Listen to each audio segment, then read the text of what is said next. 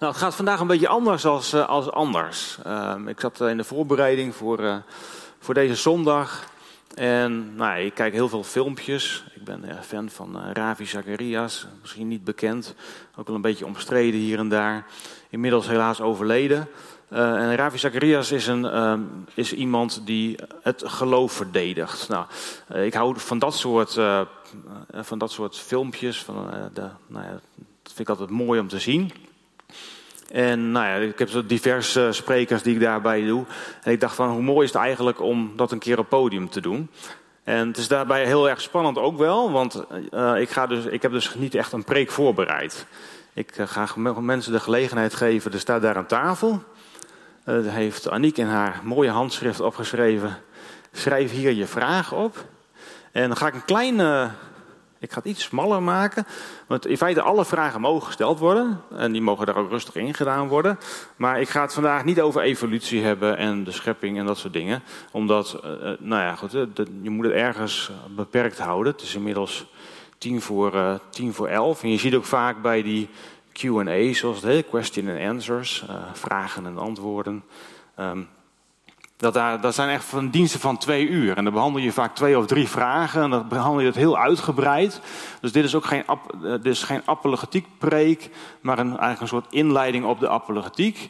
Waarbij ik zeg maar enerzijds een gesprek voer met Aniek en met jullie. Uh, jullie kunnen vragen inbrengen. En anderzijds is het ook een stukje lesgeven. Hoe gaan we daar dan mee om? Uh, nou, dan ga ik lekker zitten. En dan ben ik... Uh, oh ja, en ehm, als jullie daar vragen in hebben gedaan in die kom... Dan gaat Roan, dat is mijn zoon, die komt dan de vragen naar Aniek brengen. En die zal proberen, hè, want je kunt natuurlijk een hele range van vragen hebben. Proberen om er een beetje een, scheiding in aan te brengen. En Rowan brengt dan de vragen naar Aniek toe. En Aniek die gaat ze aan mij stellen. En ik ga zo goed en zo kwaad als ik kan daar antwoord op geven. Ik heb een aantal vragen soort van voorbereid. Um, kijk, daar komt Rowan al aan. Doet jouw uh, microfoon het dan niet? Volgens mij nog niet. Of wel? Jawel. Hij doet het? Oh. nou, misschien even een applausje voor Aniek. Die zit er ook niet elke dag. Dankjewel. Nou, de jeugd, de tieners zijn ook in de zaal. Uh, ik heb ook gevraagd van, nou ja... De... Is goed. Dankjewel. Ik denk dat heel veel mensen uh, nou ja, op het gebied van apologetiek vragen kunnen krijgen. En apologetiek, wat is het eigenlijk? Uh, nou, apologetiek, dat is, het, het, dat is eigenlijk in de theologie de duur, het dure woord voor geloofsverdediging. En dan geloofsverdediging op basis van uh, redenering. Oké. Okay. En dat als je zeg maar, in de theologie uh, studeert, dan krijg je apologetiek. En dan krijg je bijvoorbeeld ook hermeneutiek. Nou, hermeneutiek is wat bekender, misschien de naam niet. Misschien je zegt, nou ja, dat zegt me allemaal helemaal niks. Hermeneutiek is de uitleg van de Bijbel. De, en dan de nou, hermeneutiek gaat bijvoorbeeld de Bijbel staan ook allemaal dichtvormen in. Er staan, uh, er staan vormen in waarbij een herhaling voorkomt. Er staan ook hele grote overdrijvingen in. Er staan visioenen in. En nou ja, dan, dan leer je zeg maar, dat je niet elk, elk, elk tekstje gewoon uit de Bijbel kan plukken, neerleggen en zeggen: ja, maar dat staat er. Dan ga je de, de Bijbel dus als een soort plukboekje gebruiken. En wat is dan het verschil tussen die twee? Nou, hermeneutiek, dat legt dus de Bijbel uit. Dat gaat heel erg, um, dat focust op van, oké, okay, hoe, hoe kun je dan die teksten gebruiken? En apologetiek is dan heel erg van, goed, um, ja, welke, welke vragen krijg je in het dagelijks leven? Uh, welke vragen kom je tegen? En dan heb je natuurlijk ook weer onderscheid tussen de, de, vragen die christenen hebben en de vragen die niet-christenen hebben. Er kan een heel groot verschil in zitten. Mm -hmm. uh, vooral uh, nou, als je als tiener bent, je zit op een school. Ik denk een heel aantal zitten misschien op een christelijke school. Daar zul je iets, daar zul je natuurlijk met, met elkaar heb je ook die vragen die je behandelt. Maar als je op een niet-christelijke school zit, heb je hele andere vragen. Heb je gewoon ook mensen die echt gewoon God helemaal niet kennen of echt hele dikke onzin vinden. Ja, dus we gaan het vandaag hebben over apologetiek. En waarom is dat precies belangrijk? Uh, nou, apologetiek, uh, nou, het, het feit, staat het ook al in de Bijbel. Hè. Je komt, je komt, zeg maar, die vragen kom je gewoon tegen in de Bijbel. Of uh, gewoon in het dagelijks leven. En mensen vragen je dingen. En nou, een Bijbeltekst die daarbij hoort is één. Ik ga even van bril wisselen trouwens. Dat heb je op mijn leeftijd. Ik lees meestal zonder bril, maar dan kan ik helemaal de zaal niet meer inkijken. Ja, de letters worden scherp. um, er staat in 1 Petrus 3, vers 15. Er staat, maar heilig God, de Heere in uw hart.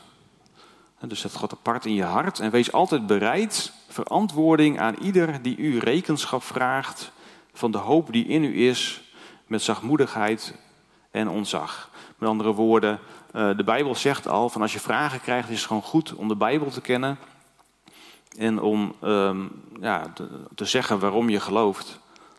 Ja, en moeten wij dan dus, als ik goed lees, alle vragen kunnen beantwoorden? Of moeten wij iedereen willen beantwoorden?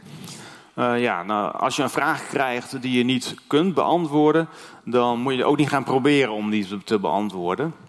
Er zijn gewoon heel veel vragen die je gewoon uh, niet kunt beantwoorden. Nou, jij zit op een, uh, op een universiteit met ook, je vindt wiskunde leuk. Hè, en als iemand je een vraag stelt, um, een hele moeilijke vraag over het geloof, dan kun je bijvoorbeeld ook zeggen van oké, jij studeert wiskunde. Uh, nou ja, misschien dat jij mij kunt vertellen wat de derde marswortel uit de vierde kwadraat is van... Uh, ja, dan zou ik zeggen, ik pak mijn rekenmachine er even bij. Ja, precies. Nou ja, dan zie je al, hè. die heeft dus een hulpmiddel nodig. Uh, nou, zo, wij, zo mag je dan ook rustig zeggen van goed, ik heb dan de, de Bijbel nodig. En moet je elke vraag willen beantwoorden. Ik denk dat het heel belangrijk is om dan te kijken van goed, in wat voor groep zit je. Eh, is iemand oprecht geïnteresseerd? Ik denk als je op school zit en uh, je zit aan een tafel en er zitten gewoon een heleboel, uh, er zit een, een, nou, een heel aantal mensen bij elkaar, dan voel je vaak al wel een beetje de, de stemming die er is. En als het echt de stemming is van om je onderuit te halen, ja, dan moet je dat helemaal niet willen. En dan kun je het beste dan maar tegen zo'n persoon, als, zo'n, als één persoon een vraag stelt, gewoon zeggen van nou, als je niet, het is een moeilijke vraag. Ik, ik zeg altijd op moeilijke vraag daar hoort een moeilijk antwoord bij. Uh, nou ja, als je volgende week een keer drie uur de tijd hebt, dan kunnen we eens een keer van gedachten overwisselen. Nou, en dan scheidt zich, zeg maar, wel een klein beetje de, degene die echt oprecht geïnteresseerd zijn in de mensen die zeggen: Ja, dag, ik ga niet uh, drie uur met jou over het geloof praten. Ja, oké. Dus je zei soms weet je vragen ook niet. Uh, wat moet je dan eigenlijk doen als je niet het antwoord weet op iemands vraag? Nou, heel eerlijk zeggen, sorry, uh, ja, dat vind ik echt een hele moeilijke vraag. Daar heb ik zo ook nog niet over nagedacht dat het kan. Uh, of je kunt, het gewoon, je kunt er ook gewoon even niet opkomen. We doen hier ook een live gesprek met vragen. Het kan best zijn dat er een vraag komt dat ik denk, ja, goede vraag, zeg ik dan altijd. Hè? Dat, is dan, dat is dan een goede vraag. Nou, dan heb, dan heb je het antwoord niet. En dat wil niet zeggen dat je, dat je daar helemaal niets op kan zeggen. Maar ja, soms, soms uh, dan kun je gewoon zeggen, nou als je het goed vindt, dan parkeer ik die vraag even. Of dan neem ik die vraag even mee of kom ik erop terug volgende week. He, dan, uh, dan, ga ik er ook even over lezen. Ik vind dat een hele goede vraag. Of ik ga ja. even iemand vragen die er ook verstand van heeft. Oké. Okay. En dan vraag ik me nog wel af, kreeg Jezus eigenlijk ook van die moeilijke vragen? Nou, dat is natuurlijk een hele goede. Want als je, als je gaat kijken wie, uh, ja, bij wie je het beste kan zijn als voorbeeld voor wie vragen van uh, gaat beantwoorden, dan, uh, dan moet je nog niet bij mij zijn. Hè. Ik ben er nog lerend in. Maar Jezus heeft daar een heel mooi, een heel mooi voorbeeld van uh, in de Bijbel staan. En als je dan de Bijbel bijvoorbeeld leest, dan, dan kom je bijvoorbeeld. Even kijken of ik die hier heb opgeschreven. Nou, ik heb hem hier niet opgeschreven, maar dan doe ik het even uit mijn hoofd. Dan, ik dacht, dacht dat het in Matthäus 4 was. Daarin zie je dat de, de duivel uh, Jezus verzoekt in de woestijn. Jezus die, die is, uh, een hele tijd heeft hij honger geleden in de woestijn. En dan komt de duivel en die zegt tegen hem: Je weet toch dat je ook van broden, uh, of van, steen, van stenen broden kunt maken. Dat, die macht heb jij.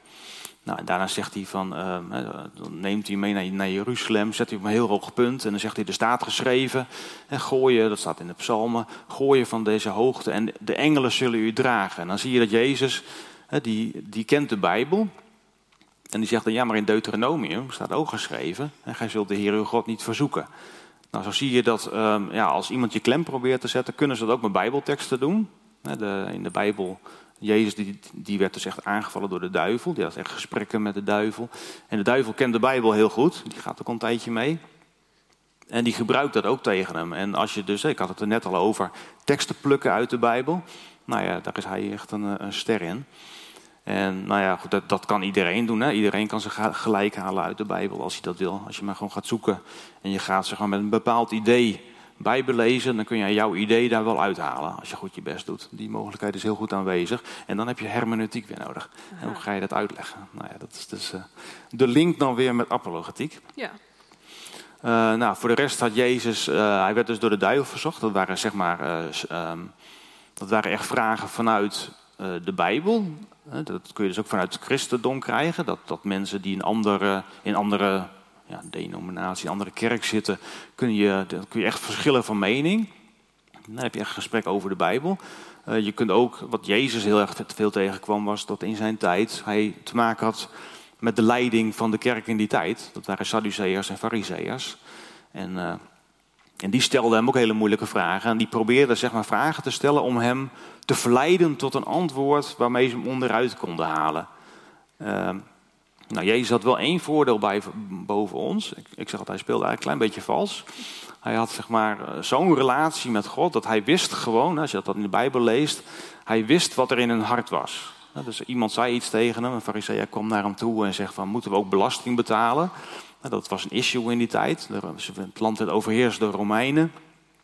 En toen, dan wist hij van ja, ze proberen mij te verleiden om een ja of nee antwoord te geven. Want als ik ja zeg, dan, dan ben ik fout. als ik nee zeg, ben ik ook fout. Dus dat zijn van die strikvragen. Dat, en dan zie je altijd dat hij met een soort verhaal laat hij eigenlijk zien van ja, wat er in hun hart is, waarom zij die vraag stellen. En dat, dat doet Jezus veel. En ik denk dat dat binnen de apologetiek ook heel belangrijk is. Hè? Als je gewoon op school zit, iemand stelt jou een vraag.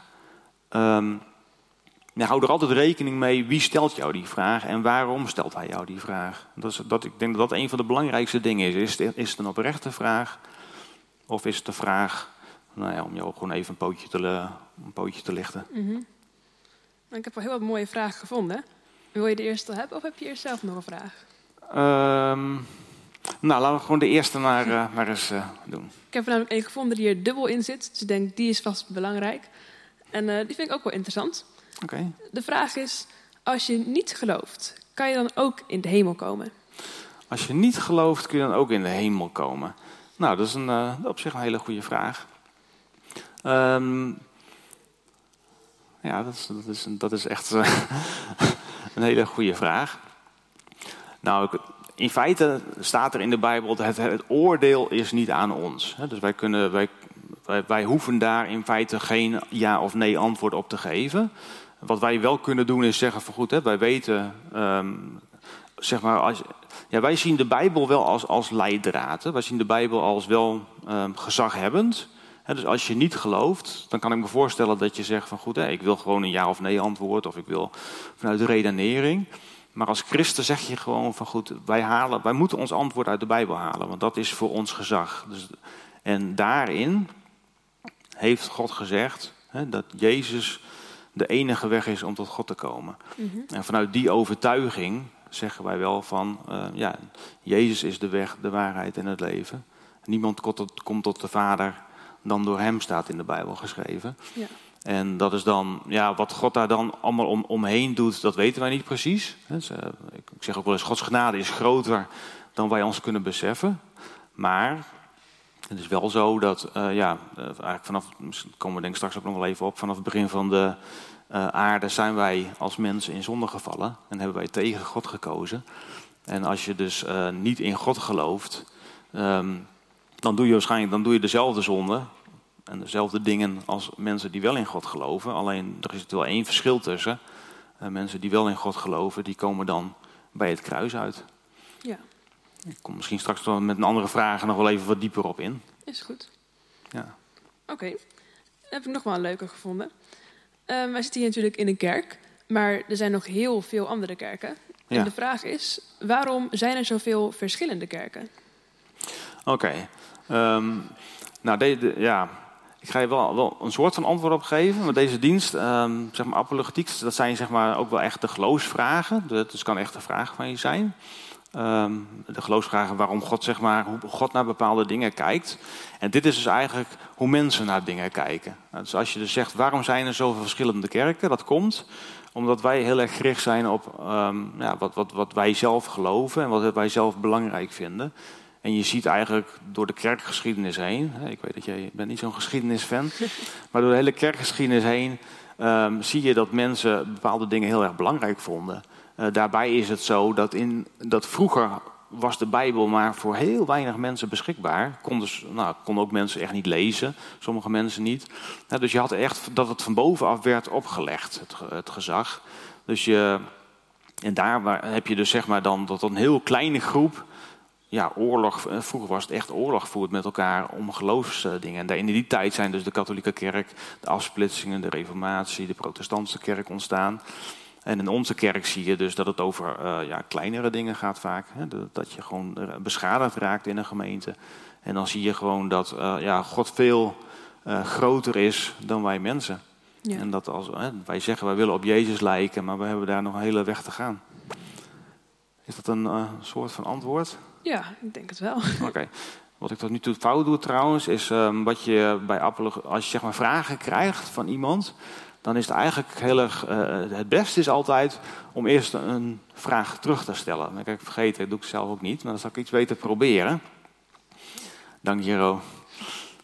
Um, omdat dat geeft je altijd heel even tijd om even na te denken. Want mensen verwachten van jou, een vraag stellen zeg ik altijd, is, is altijd heel makkelijk.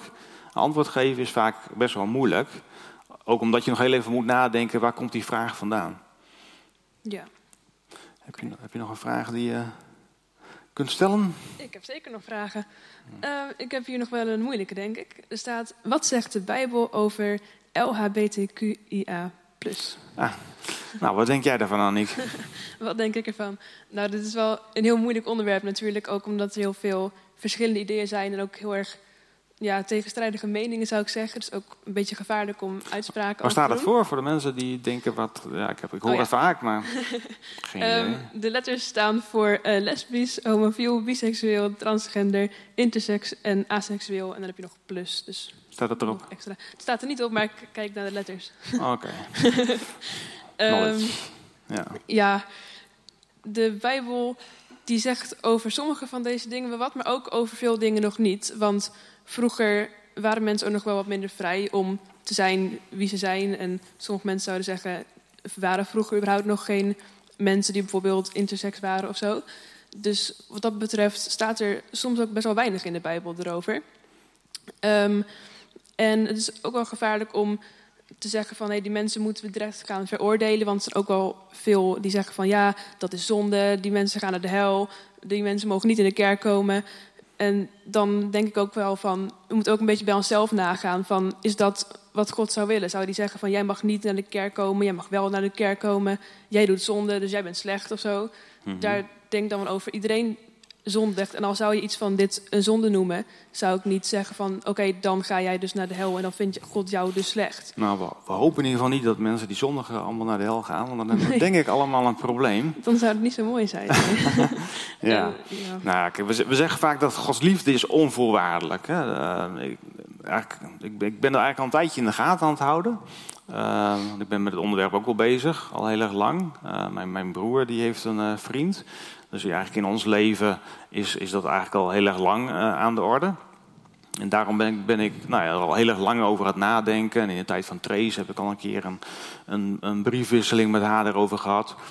En wat, wat ik heel vaak doe is dan eigenlijk in preken, als het over Gods onvoorwaardelijke liefde gaat, dan ga ik altijd, dan breng ik gelijk bepaalde um, dingen daar. Hoe onvoorwaardelijk is Gods liefde en, en ja, welke voorwaarden stellen wij er zelf aan? Dus ja, die, die vraag, ehm, ja, laat ons ook nadenken. Ja, hoe onvoorwaardelijk is eigenlijk Gods liefde? Uh, en dan merk je dat heel veel kerken en heel veel christenen, die gaan daar best wel verschillend mee om. En dat is dan ook denk ik heel, heel belangrijk, om er heel, ook heel zuiver en heel voorzichtig naar te kijken. En dan leent zo'n dienst als deze nu niet om daar heel diep op in te gaan. Met omdat ik eigenlijk alleen in deze tijd alleen maar even de, de hoofdlijnen kan aanstippen. En hier valt echt heel veel over te zeggen. Maar het is zeker een goede vraag. En ik, uh, ik neem hem zeker mee. Uh, dat had ik nog niet gezegd. Maar ik denk ook dat er zullen waarschijnlijk vragen overblijven. Uh, nou, ook een vraag als deze, die heeft eigenlijk veel meer uitleg nodig. Um, en zo zijn er veel meer vragen. En nou ja, ik zit nog even na te denken of dat ik een keer misschien voor de tieners in een dienst nog wat vragen, wat extra ga uitdiepen. Of er nog een keer een studie over wil geven. Dat staat nog even open. Dus daarom. Um, dus, dus vragen mogen en moeten zeker gesteld worden.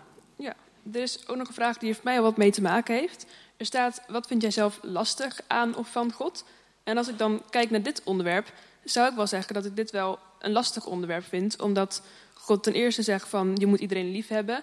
Het gaat, de Bijbel gaat over liefhebben. En er staat bijvoorbeeld wel in dat het een zonde is. Bijvoorbeeld als twee mensen van hetzelfde geslacht met elkaar naar bed gaan of zo. Terwijl ik denk mhm. als staat dat het een zonde is, dat is een zonde die gaat over liefde. Terwijl ongeveer elke andere zonde gaat over woede of haat of roddelen of iets. En dan vind ik dat deze zonde best wel een beetje ja, anders is dan Gods liefhebbende karakter, zeg maar. Dus mhm. dat vind ik zelf wel een uh, lastig stukje. Ja. En wat de vraag was? Wat de vraag is, wat vind jij zelf lastig aan of van God? Oké, wat vind ik zelf uh, lastig? Nou, ik zeg altijd, ja, waarom hij wespen heeft gemaakt, vind ik echt een hele lastige. Waarom hij wat? Wespen heeft gemaakt. Oh, die heb je gestolen van mij. dat, dat ga ik hem later absoluut vragen. Ik weet wel iets met voedselketens en zo. dus ik komt een heel eind. Uh, nee, wat vind, ik, wat vind ik echt... Ja, nou, ik... Um, wat ik lastig vind aan, aan, aan, aan de Bijbel en aan God is dat... Um, ja, de Bijbel is natuurlijk in een, in best wel lang geleden ook al geschreven. Dat vind, dat vind ik zelf wel lastig. En dan, ja, je moet eigenlijk een soort brug maken van 2000 jaar geleden. De Bijbel is over een tijd van 1500 jaar geschreven. En Mozes die leest ongeveer 1300. En dan heb je nou, een tijd waarin niks werd geschreven, jaar 400 tot 0. Dan heb je nou, de tijd dat Jezus eh, geboren werd, de tijd dat de apostelen leefden. En in het jaar 70 ongeveer Um, is, is de Bijbel, um, ja, is het einde van de Bijbel. De, de, laatste boeken zijn daar geschreven. Nou, in, in die tijdspan, um, daartussen, nou, dat, dan zie je, wat ik net al zei, dan heb je dus uh, dat nou, kerken die gaan er allemaal wat van vinden. Hè. Er komt een hele geloofstroom, er wordt heel veel over geschreven in een tijd dat er nog heel weinig informatie is. En zeg maar, de brug maken van om iets wat daar is gezegd naar deze tijd te vertalen, dat is best wel moeilijk. En uh, dat heeft dus ook met dit soort onderwerpen te maken. Van uh, ja, kunnen wij, dat, um, kunnen wij dat zo één op één vertalen? Hoe gaat God daarmee om? Hoe ging God daar in de Bijbel mee om? En dan zie je dat God daar in de Bijbel ook wel verschillend mee omging. Ja, als je het over hebt over monogamie en polygamie bijvoorbeeld. Ik leg hem hier even neer. En dan zie je dat um, nou ja, David die had heel veel vrouwen. Uh, Salomo, harems. En uh, nou, um, als wij dat naar onze tijd vertalen, dan denken wij, die, men, die mensen staan als mensen naar Gods hart in de Bijbel. Terwijl als wij dat in onze tijd zouden doen, hè, drie vrouwen erop nahouden, dan kwamen we hier de kerk niet in.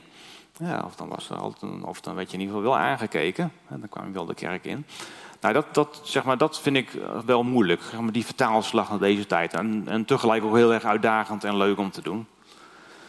Uh, er zijn vast meer vragen, dus ook in verband met de tijd ga ik door. Zeker. Um, er staat hier wel een goede vraag. Is er een reden dat ik zoveel heftige dingen meemaak in mijn leven? En het lijkt soms, ik zou er tussen plaatsen, zelfs als ik christen ben, alsof ik meer meemaak dan mijn vrienden. Oké, nou dat is een hele goede vraag. En dan zie je ook dat. Um, uh, dat nou, de vraag is natuurlijk niet van jou, hè, maar de, dus ik zou dan, als, als die vraag mij wordt gesteld, dan zou ik bijvoorbeeld wel vragen van, nou, wat voor dingen maak je bijvoorbeeld mee dan? Hè? Dan kun je even een inschatting maken. Hè? Want heeft men het over dingen die je ziet? Hè? De, de, ellende in de wereld, hè? de oorlogen, de aardbevingen, laatst in Turkije. Soms is er een tsunami waarin weet ik hoeveel mensen worden weggevaagd. Of gaat het over je eigen persoonlijke leven? Waarom, waarom moet ik belasting betalen? Waarom moet ik, uh, nou, waarom overkomt mij dit? En dan, uh, als het zeg maar heel persoonlijk wordt, hè, waar, waarom is die auto tegen mij aangereden en heb ik mijn been verbrijzeld? Of nog erger, hè, waarom is iemand in mijn nabijheid overleden? Nou, dat maakt natuurlijk ook heel erg veel uit hoe je zo'n antwoord gaat geven. Dus zeg maar, voordat je zo'n antwoord kan geven, moet je eerst altijd even peilen van uh, ja, hoe ga ik deze vragen beantwoorden? Want je ziet dus apologetiek is uh, antwoord geven vanuit de reden. Met andere woorden, je gaat een gesprek aan met de ander. En dat, dat is niet altijd op zijn plek. Als iemand zeg maar beschadigd is, hè, of hij heeft een sterfgeval van dichtbij meegemaakt, dan is het antwoord van uh, ja, God is goed en God heeft overal een bedoeling mee. Dan is dat niet het antwoord wat je moet geven. Dan, dan moet je naast die persoon gaan staan en dan moet je zeggen, wat is er met jou gebeurd? Want ten diepste is apologetiek iets um, wat, waarmee jij niet je gelijk probeert te halen, maar, waarbij jij iets van God wil laten zien aan die andere persoon. Um, als, als, Jezus heeft hier op aarde rondgelopen um, en en je, nou in Johannes 14, daar heb ik ook een voorbeeld van, daar zegt Filippus ook, laat ons de Vader zien. Meer verlangen we niet. En Jezus zegt, ik ben nu al zo lang bij jullie. En nog ken je mij niet, Filippus. Wie mij gezien heeft, heeft de Vader gezien.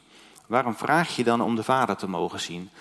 Nou, hier zie je dat um, ja, Jezus zegt, als je mij ziet, dan zie je de Vader. En dat is ten diepste bij apologetiek. Kijk, het is niet zo als je mij ziet of als je Aniek ziet, dan zie je God. Maar wij mogen dat, wij mogen dat wel al meer gaan proberen. En zeg maar ten diepste dat, dat proberen uit te stralen.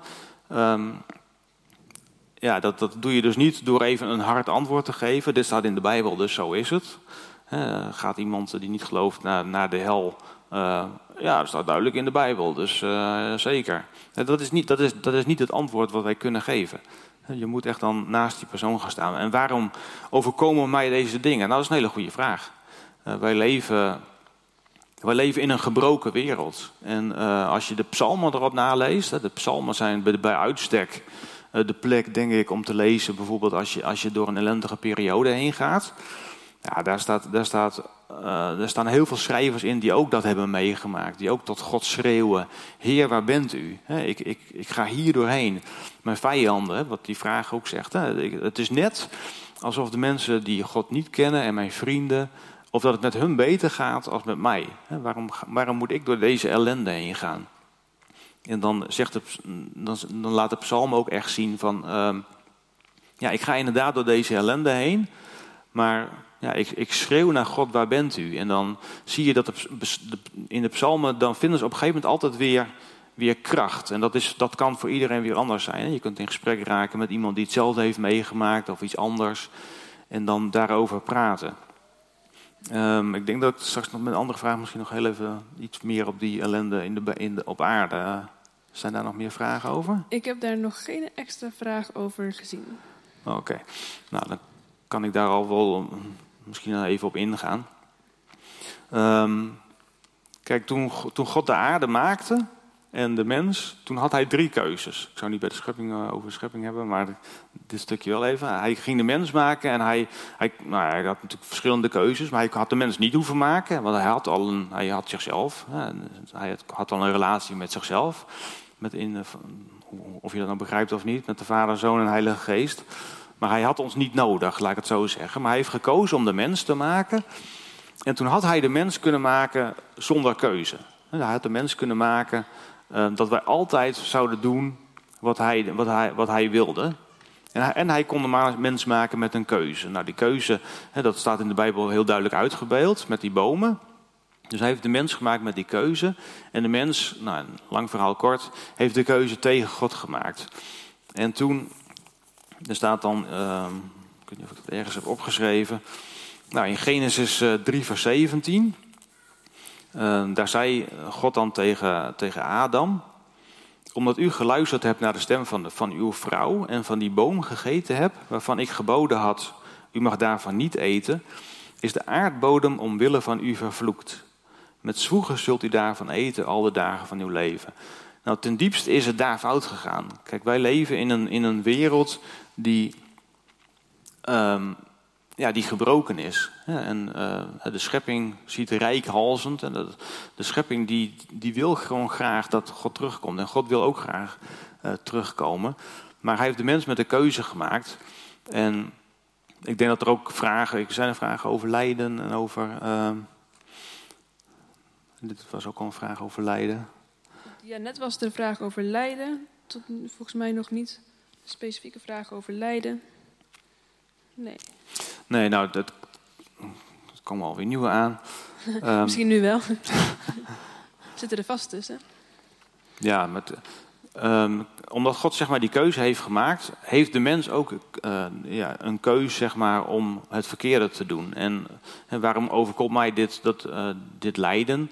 Dat doet me ook wel denken aan die, die dronken automobilist die zijn auto in jouw auto parkeert. Hè, waardoor er iets gebeurt.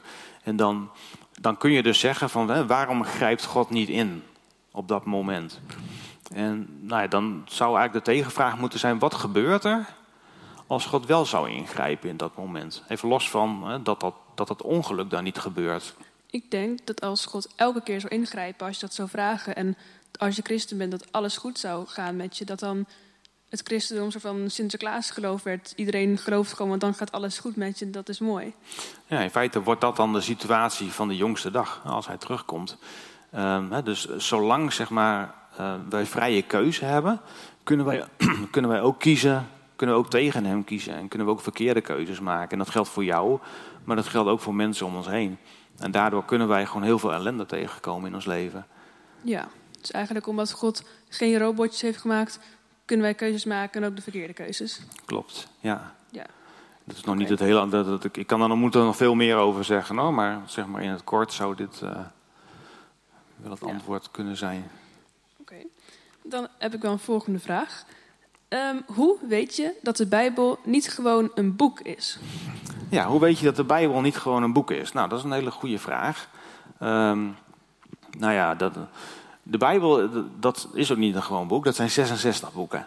Dat zijn 66 boeken die, waarvan 7, uh, even denken, 39 in het Oude Testament en 27 in het Nieuwe Testament. Dat wil zeggen, die 39 boeken die zijn uh, ongeveer 400 jaar voor Christus geschreven. En 27 zijn, uh, zijn eigenlijk over Jezus geschreven in de tijd daarna. Uh, ja, de Bijbel is geschreven door herders, door profeten, door koningen. Het is een enorme hoeveelheid mensen die daaraan geschreven heeft. Ik geloof dat zo'n 40 Bijbelschrijvers zijn. En ja, zeg maar, als je gewoon de Bijbel leest, dan, dan heb je dus geschiedschrijving. Uh, van Genesis, Exodus, Leviticus, dan heb je een stuk geschiedschrijving door de woestijn heen. Je hebt de psalmen, je hebt profetieën, je hebt de, de profeten, je hebt de, zeg maar, al die dingen samen, um, die, vormen, die vormen een eenheid. En, en die eenheid, die werd, die werd zeg maar uh, door de eerste kerken, of eigenlijk door Jezus zelf eigenlijk al aangehaald. Als je gewoon over de boeken van het Oude Testament spreekt, die, die waren allemaal gebundeld en ze wisten in die tijd precies wat hoort waarbij. Je weet in de, in de tijd zeg maar, tussen nou, 400 tot Jezus zijn er ook wel boeken geschreven. Wij noemen dat uh, de apocryfe boeken. Uh, in, de, in de katholieke kerk zijn die bijvoorbeeld wel toegevoegd. En, nou ja, die hebben wij eruit gelaten omdat, omdat daar tegenspreking in zitten. En de Bijbel zelf die, uh, die, dat is eigenlijk één geheel. Daar zit, daar zit eigenlijk alles, al het Oude Testament verwijst naar Jezus. En al het Nieuwe Testament verwijst ook naar Jezus. En er zit, daar zit, nou, daar zit geen, um, geen onderscheid in. En eigenlijk is dat heel erg mooi, zeg maar, hoe dat tot stand is gekomen. En nou, er is ook geen ander boek die dat zo in zich heeft. En dan zie je dat um, de kerken, zeg maar, na Jezus tijd, die hielden lijsten bij. Um, want er wordt wel eens gezegd door niet-christenen die dan over gaan studeren. Ja, de Bijbel dat is op zo'n synode, hè, waarbij allemaal machtige mannen bij elkaar komen. Is dat even vastgesteld van dit is de Bijbel en dat hoort er wel bij en dat hoort er niet bij. Nou, zo is het helemaal niet, zo is het ook gegaan, maar daar gaat het niet om. de, de brieven die werden rondgestuurd door de gemeentes. En elke gemeente die had een lijst waarop stond welke boeken betrouwbaar waren. Want er werd heel, in die tijd heel erg veel onder ja, pseudoniem noem je dat. Hè? Dat iemand zei, ik ben Paulus, dus ik schrijf uit naam van Paulus, terwijl het niet zo was. Nou, in die tijd was heel erg bekend, dit hoort er wel bij en dat hoort er niet bij. Dus er werden lijsten van bijgehouden. En uh, vanuit die lijsten hebben ze op een gegeven moment gezegd, uh, dit, dit, deze 66 boeken, dit is het, punt. En daarom, ja, hoe, hoe, weet je dan dat het waar is? Ja, weet je, er is geen, geen ander boek die dat, die dat zo in zich heeft. Nou, daarnaast staat de Bijbel vol met profetieën. Er staan allemaal profetieën van allerlei dingen die, die nog moeten komen. Als wij zo'n boek hadden over de toekomst en het zou allemaal uitkomen, nog, of allemaal nog moeten uitkomen in de toekomst, dan zou je heel graag zo'n boek willen hebben, want het voorspelt de toekomst. Dit gaat er allemaal nog komen. Nou, zo'n boek was de Bijbel. Een beetje zoals uh, de Simpsons. Die serie. Ja. Nou, de, de, de, het Oude Testament verwijst heel, met allemaal profetieën naar Jezus. En dat komt dan uit. En eigenlijk de enige profetieën die nog niet zijn uitgekomen gaan over de terugkomst van Jezus. Waarvan sommige mensen ook denken dat we nu in de echte eindtijd leven. Omdat er zoveel ontwikkelingen zijn. Maar dat denken ze al heel erg lang. Dus uh, wij weten die tijd niet. Maar het zijn wel leuke dingen om over na te denken. Ja. Even naar de tijd te kijken. Kunnen we nog een vraagje doen? Hoe laat is het? Het is uh, vijf voor half, dus we kunnen nog een vraag Nou, nog een, snelle, nog een snelle vraag. Er is nog een vraag. Sinds wanneer bestaat God al? Sinds wanneer bestaat God al? Nou, dan gaan we toch weer naar de begintijd, hè? uh, nou, het, ja. Ik zou het eigenlijk niet weten, om eerlijk te zijn. Kijk, het, het theologische antwoord is sinds altijd. hij heeft geen begin en geen eind. Maar het is, het is voor het menselijk brein niet te vatten. Dus uh, ja, dat, zo, zo, zo, openbaart God zich ook in zijn woord. Kijk, onze hersencapaciteit is te klein om te beseffen hoe groot God is en hoe lang hij al bestaat. En dus ja, dat zou dan ook mijn antwoord zijn. dat hij is gewoon zo groot, dat, dat kunnen wij niet beseffen. Ja. Nou, en dan uh, misschien ook nog, nog, nog om af te sluiten van goed, hè, hoe, hoe, ja, want eh, dat werd ook wel um, nog wel als vraag ingebracht. Hè. God zet God allemaal dingen in ons rugzakje. Zorgt Hij dat ons dingen gebeuren? En hoe weten we nou wat goed voor ons is? Hè? Of waarom overkomt mij dit, deze ellende? Um, nou, het is ook wel goed om te weten. Kijk, wij weten ook niet altijd wat de toekomst voor ons in petto heeft. En daar wil ik dan ook wel mee afsluiten. Um, ja, nou, ik heb daar bijvoorbeeld een voorbeeld van, niet persoonlijk, maar dan moet ik denken aan een, aan een boerderij in Amerika naast een hele grote stad, waar ook heel veel onrecht is. En in die stad, daar woont een paardenhandelaar. En die paardenhandelaar gaat naar een markt en die koopt daar een paard. Nou, dat paard is een beetje stoffig en staat een beetje apart van andere paarden. Nou, je kan hem voor een prikkie kopen, hij neemt dat paard mee en zijn buurman, die een boerderijtje verder woont, die komt bij hem op bezoek. En hij maakt dat paard schoon samen. En zegt, kijk nou wat ik gekocht heb. En hij zegt, weet je wat je op de kop hebt getikt? Dit is echt, een heel dit is echt een, uit, een, uit een lijn van, van paarden die enorm duur is. Waar, waarmee is gefokt. Je hebt echt een, uh, je hebt goud op de kop getikt. dus je hebt echt geluk. En die man zegt, oh, nou ja, oké, okay, uh, zou, zou wel kunnen. Ik heb gewoon een paard gekocht. Nou, die boer gaat weg. Een paar dagen later beginnen te onweren en de bliksem slaat in in het hek. Het hek knapt, paard schrikt en gaat er vandoor. Nou, de, boer, de, buurman komt weer langs en die zegt: Wow, um, je hebt ook pech. Zegt hij: Heb je dat hele mooie paard gekocht? Uh, um, nou ja, dat is. En, en, en, dan ontsnapt hij. Je hebt, je hebt ook altijd pech. Dan, dan nou ja, zegt hij: Ja, nou ja pech, geluk. Ja, ik weet het ook niet precies. Dan, een paar dagen later, komt het paard teruggelopen. Wat heeft dat paard in de omgeving is die bij een groep wilde paarden terechtgekomen. Paard komt terug, neemt gewoon 20 wilde paarden mee. Die man heeft opeens 21 paarden. De buurman komt langs en zegt, je hebt ook geluk. Zegt hij, je paard ontsnapt. hij gaat daar door de, door de, in de wei, komt terug met 20 paarden. je hebt ook altijd weer geluk. Ja, zegt die man, nou ja, geluk, pech, ik weet het ook niet precies. En uh, zijn zoon, die denkt van ik ga zo'n wild paard uh, ga, ik uh, trainen? Ga, ik, ga ik temmen. Dus die gaat erop zitten en die gaat hem temmen en dat paard werpt hem af, schopt en verbrijzelt zo half zijn been. Dus hij moet naar de dokter. Buurman komt langs je hebt ook altijd pech, zegt hij. De, gaat je zoon dat uh, paard temmen en dan, en dan heeft hij waarschijnlijk iets blijvends aan overgehouden. Ja, nou ja, ja zou kunnen. En, even later komt zeg maar uit die Amerikaanse stad heb je, uh, heb je, nou ja, heb je daar een, een, gang, zitten, een drugskartel, die, die uh, jeugd zoekt om te ontvoeren, om, um, om toe te voegen aan nou ja, hun criminele organisatie. En ze komen op die boerderij en zien die zoon en denken, hé, hey, deze heeft een goede leeftijd. Maar zijn been ligt in puin en zegt, nou, die hoeven we niet. Komt de buurman langs en zegt, ah, je hebt ook geluk, dat, anders was je meegenomen. Weet je, uh, geluk en, en, en ellende Tuurlijk overkomt het ons, maar wij hebben soms ook niet het grote plaatje. En het is heel goed om te weten dat ja, God heeft wel dat grote plaatje. En die weet hoe die alles, hoe die alles kan gebruiken. En hij, het is niet dat hij dat organiseert, maar hij maakt er wel het beste van. En hij, eh, wat dat betreft mogen we ook ons onder de zegen van God weten. Dat wij altijd weer bij hem terug mogen komen. Dat hij het beste met ons voor heeft. En dat als wij door ellende gaan, dat wij er beter uit mogen komen. Nou, we hebben heel veel vragen beantwoord. Ja, heel veel vragen beantwoord. Een paar over. Ja, al mensen boos dat ik iets ben uitgelopen. Maar voor de rest uh, Goed, ik wil nog met jullie, met jullie bidden. Ja, vader, uh, ja, ik wil u danken voor wie u bent. Ik wil u danken dat als, als wij ook deze vragen belangs gaan, als wij moeilijke vragen belangs gaan, misschien als we vragen hebben gesteld waar, ja, waar we misschien niet helemaal een, een antwoord hebben gekregen die alle lading dekt, vader. Ja, we willen u vragen, wilt u uw weg hiermee gaan? Vader, we zijn blij dat, we, dat u een grote God bent. We zijn blij dat u een God bent van, van heel dichtbij. Ja, dat we u mogen kennen, vader. En uh, ja, we, ja, we willen ons blijven uitstrekken naar u. We willen ja, ons de hele tijd ja, naar u richten, om u groot te maken. Om u um, ja, te dienen en uh, ja, te verheerlijken. En vader, um, ja, daarbij mogen we onze vragen hebben, vader. En ja, we komen ook met die vragen bij u. En we, ja, ik wil ook uh, deze gemeente onszelf aan u opdragen. En uh, wilt u ook, als er pijn is, wilt u in dat verdriet komen? Wilt u troost geven, vader? Want dat wilt u. U wilt bij ons zijn. U wilt ons troosten. En we zijn dankbaar dat we u zo mogen kennen. Ja, wilt u onze troost zijn de komende tijd? Wilt u onze hulp zijn de komende tijd? Wilt u alles geven wat nodig is? En zo bij ons zijn.